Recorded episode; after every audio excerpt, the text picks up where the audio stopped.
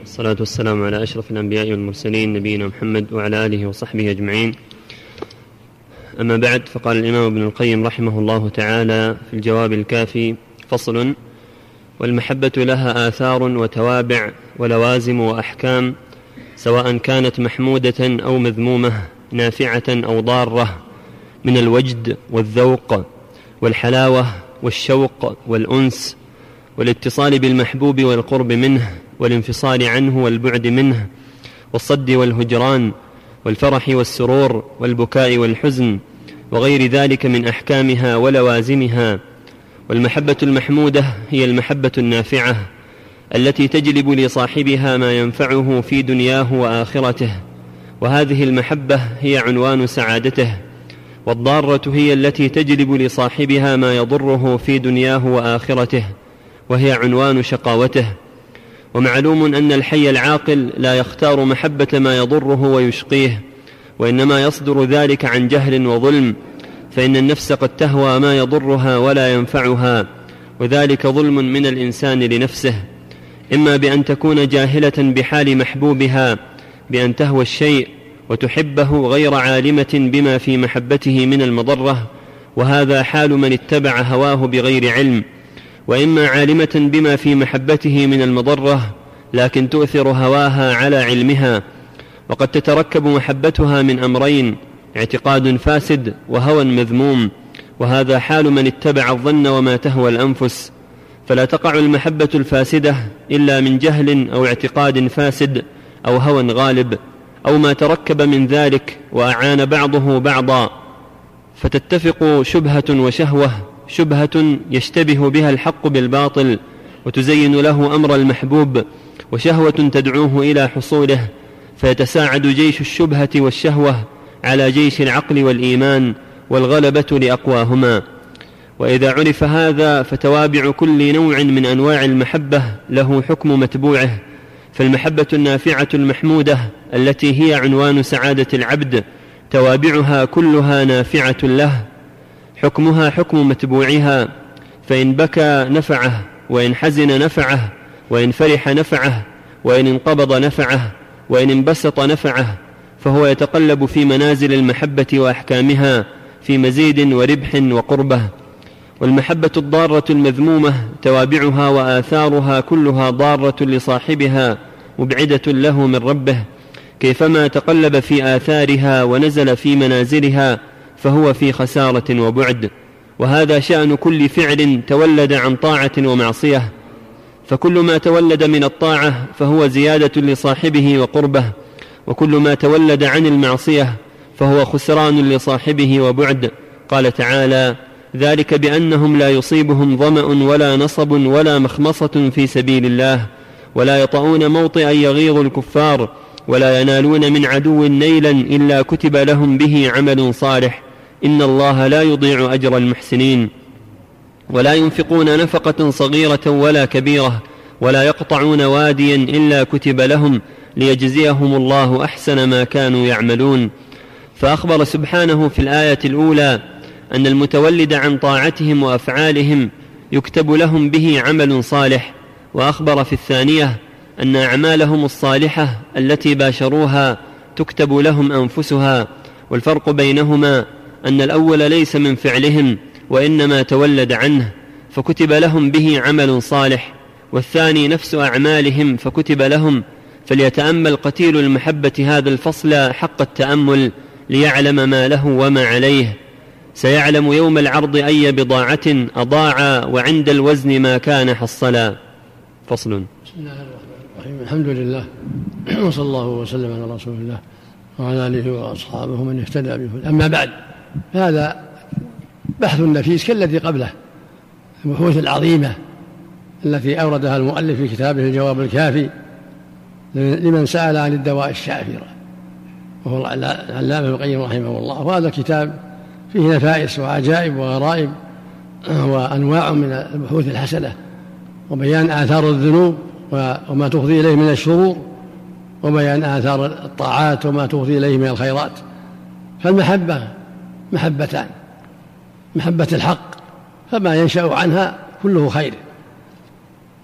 محبة الله ومحبة رسوله ومحبة دينه ما ينشأ عنها من حزن أو خوف من الله أو رغبة فيما عنده أو مسارعة إلى الطاعات أو كف عن المعاصي كله خير لصاحبه. فالمحب يحرص على فعل ما يحبه محبوبه والله يحب من عباده أن يطيعوه. وأن يمتثلوا أوامره وأن ينتهوا عن نواهيه وأن يدعوا ما يغضبه فالمحب هكذا. المحب لله الصادق يجتهد في أداء ما أوجب الله وفي الحرص على اشتغال بمحاب الله وفي الحذر مما يكرهه الله وبهذا تحصل له السعادة.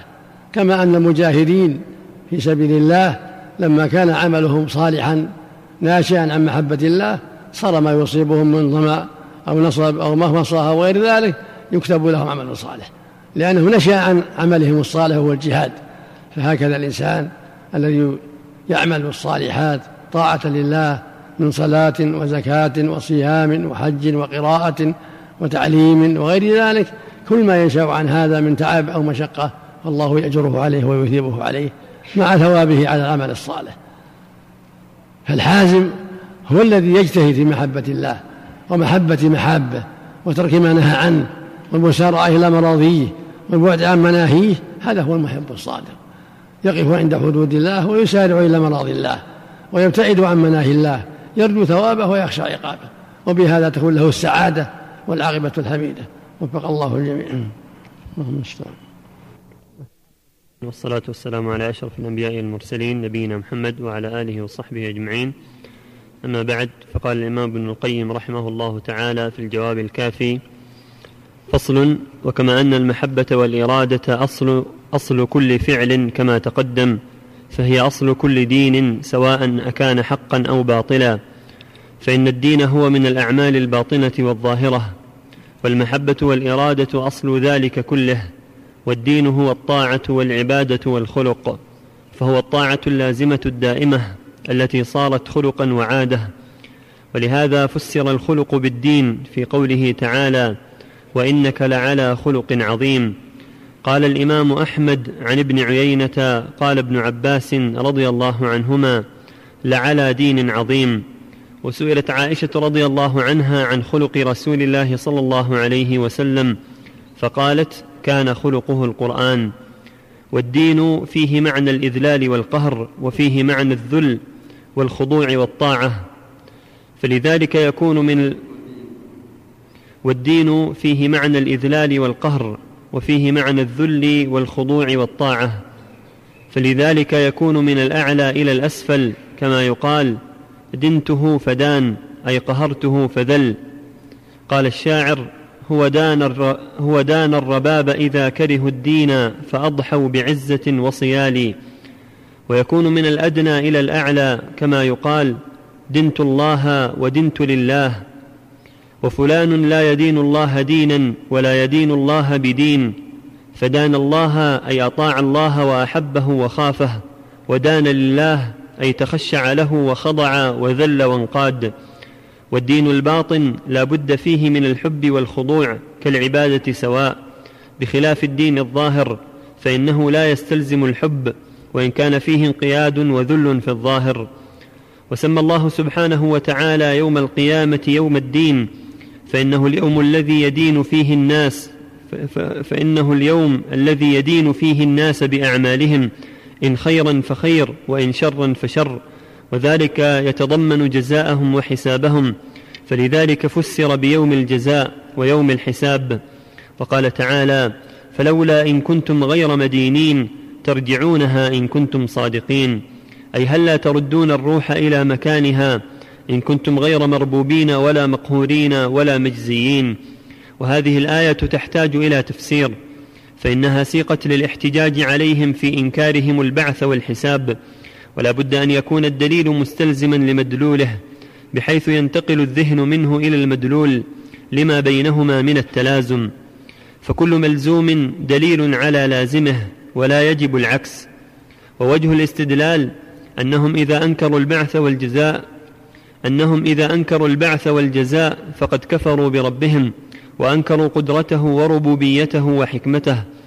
فإما أن يقروا بأن لهم ربا قاهرا لهم متصرفا فيهم كما سيميتهم إذا شاء ويحييهم إذا شاء ويأمرهم وينهاهم ويثيب محسنهم ويعاقب مسيئهم وإما أن يقروا برب هذا شأنه فإن أقروا به آمنوا بالبعث والنشور والدين الأمري والجزائي وإن أنكروه وكفروا به فقد زعموا أنهم غير مربوبين ولا محكوم عليهم ولا لهم رب يتصرف فيهم كما أراد فهل لا يقدرون على دفع الموت عنهم إذا جاءهم؟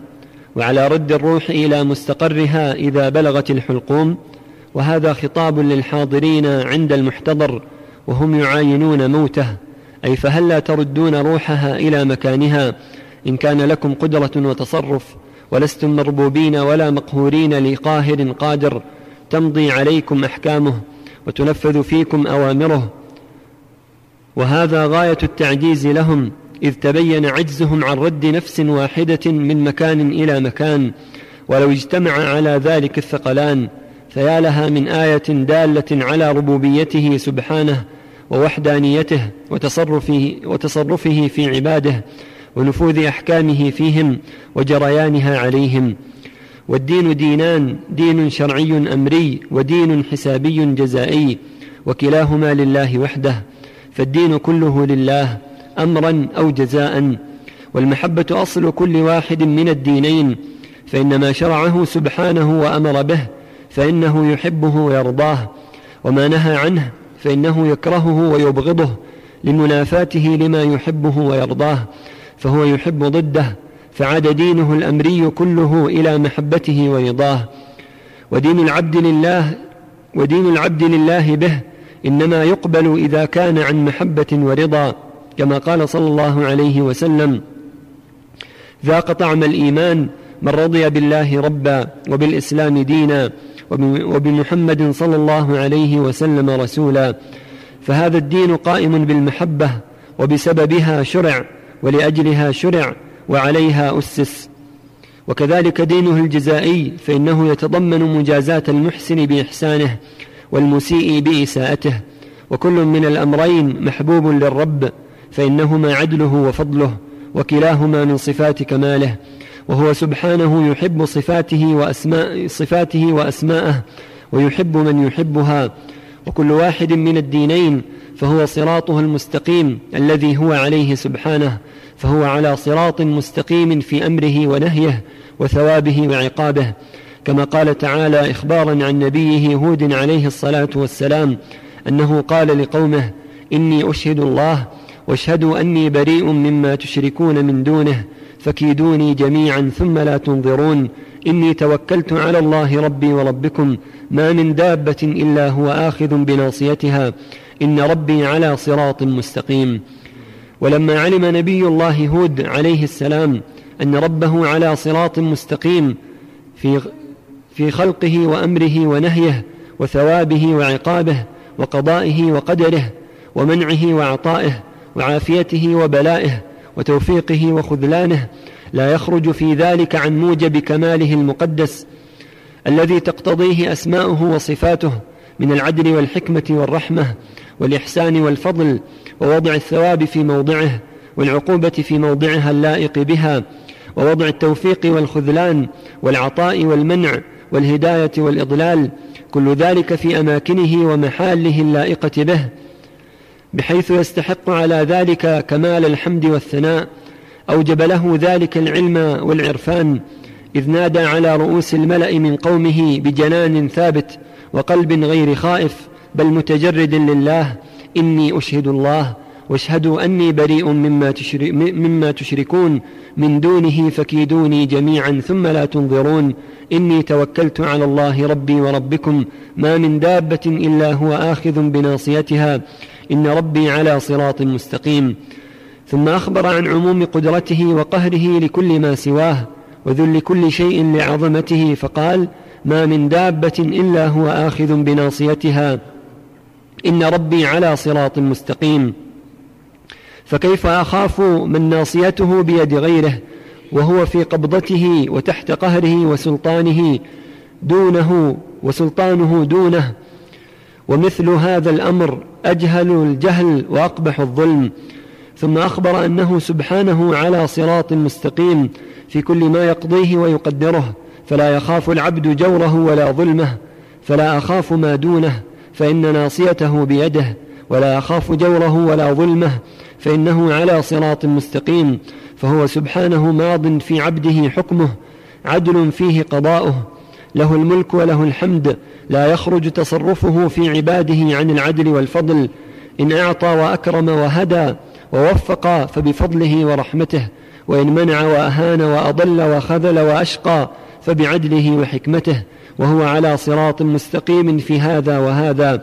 وفي الحديث الصحيح ما أصاب عبدا قط هم ولا حزن فقال اللهم إني عبدك ابن عبدك ابن أمتك ناصيتي بيدك ماض في حكمك عدل في قضاؤك. أسألك اللهم بكل اسم هو لك سميت به نفسك أو أنزلته في كتابك أو علمته أحدا من خلقك أو استأثرت به في علم الغيب عندك. أن تجعل القرآن العظيم ربيع قلبي ونور صدري وجلاء حزني وذهاب همي وغمي. إلا أذهب الله همه وغمه وأبدله مكانه فرجا. قالوا يا رسول الله ألا نتعلمهن؟ قال بلى ينبغي لمن سمعهن أن يتعلمهن. وهذا يتناول حكم الرب الكوني والأمري وقضاءه الذي يكون باختيار العبد وغير اختياره. وكلا الحكمين ماض في عبده وكلا القضائين عدل فيه فهذا الحديث مشتق من هذه الآية بينهما أقرب نسب. بسم الله الرحمن الرحيم. الحمد لله وصلى الله وسلم على رسول الله. وعلى آله وأصحابه من اهتدى به أما بعد فيبين ما كما تقدم أن أصل الدين سواء كان صحيحا أو باطلا أصله الإرادة والمحبة. فكلما تشبث إنسان بشيء محبة وإرادة فإن كان صادقا موافقا للحق فهذا يثاب على ذلك وله أجر ذلك كمحبة الله ومحبة أوليائه. ومحبة ما شرعه لعباده ولزوم ذلك وإرادته. وإن كان شبه بغير ذلك كمحبة الأنداد والأصنام والشرك والمعاصي كان على حسب ذلك. فالواجب على المؤمن أن تكون محبته وإرادته تبعا لشرع الله ويجاهد نفسه حتى يكون هواه تابعا لما جاء به النبي صلى الله عليه وسلم. كما في الحديث لا يؤمن أحدكم حتى يكون هواه تبعا لما جئت به. فلا وربك لا يؤمنون حتى يحكموك فيما شجر بينهم. أفحكم الجاهلية يبغون؟ فالواجب على كل مؤمن بل على كل مكلف أن تكون إرادته ومحبته وتصرفاته تحت شرع الله. يحب من أحبه الله ويوالي من ولاه الله ويكره من كرهه الله ويأمر بما أمر الله به وينتهي عما نهى الله عنه ويقف عند حدوده يرجو ثوابه ويخشى عقابه. هكذا حتى يلقى ربه. هكذا تكون إرادة الصادقة والمحبة الصادقة. وهكذا كان نبينا صلى الله عليه وسلم. كان على خلق عظيم. كانت محبته وتصرفاته وأمره ونهيه وكل شيء تابعا لما يرضاه, يرضاه الله. ولهذا قال في سبحانه وإنك لعلى خلق عظيم خلق عظيم. قالت عائشة رضي الله عنها كان خلقه القرآن. قال ابن عباس كان على دين قويم. فكل مؤمن يستقيم على الهدى فله نصيب من هذه الآية. ومن تأسيه بنبيه صلى الله عليه وسلم. فالخلق العظيم والهدى المستقيم والصراط المستقيم كل ذلك في اتباع شرعه والعناية بما جاء في القرآن والاستقامة على ما دل عليه القرآن أمرا ونهيا وفعلا وتركا ومحبة وبغضا إلى غير ذلك. هكذا تكون أحوال المؤمن مع ربه ومع رسوله عليه الصلاة والسلام. يرضى ما يرضاه الله ويريد ما أراده الله شرعا ويبغض ما أبغضه الله ويكره ما كرهه الله وينقاد لشرع الله أينما كان ويتباعد عن محارم الله أينما كان. يرجو ثوابه ويخشى عقابه مع توكله على الله واعتماده عليه في كل الأمور. كما قال هود عليه الصلاة والسلام إني توكلت على ربي وربكم ما من دابة إلا هو آخر من أصلته إن ربي على صراط مستقيم. وقبله يقول فكيدوني جميعا ثم لا تنظرون. إني توكلت على الله. فمن اعتصم بالله وتوكل عليه ودان بحقه واجتهد وثبت عند قوله ووقف عند الحدود وفرج الله له همه ويسر له أمره وهداه لصراطه المستقيم. ومن يتق الله يجعل له مخرجا. ومن يتق الله يكفر له سيئاته ويعظم له أجرا. ومن يتق الله يجعل له من أمره ومن يجعل له مخرجا ويرزقه من حيث لا يحسب ومن يتق الله يجعل له من أمره يسرا. يا أيها الذين آمنوا إن تتقوا الله يجعل لكم فرقانا ويكفر عنكم سيئاتكم ويغفر لكم. فالخير كله في تقوى الله ومحبته وإرادة ما شرع وبغض ما, ما نهى عنه وكراهة ذلك والاستمرار في هذا والصدق في هذا. وفق الله جميعا فاوكم الله يقول عن ابن عمر رضي الله عنهما مرفوعا لا تتخذوا المساجد طرقا إلا لذكر أو صلاة ما صحة هذا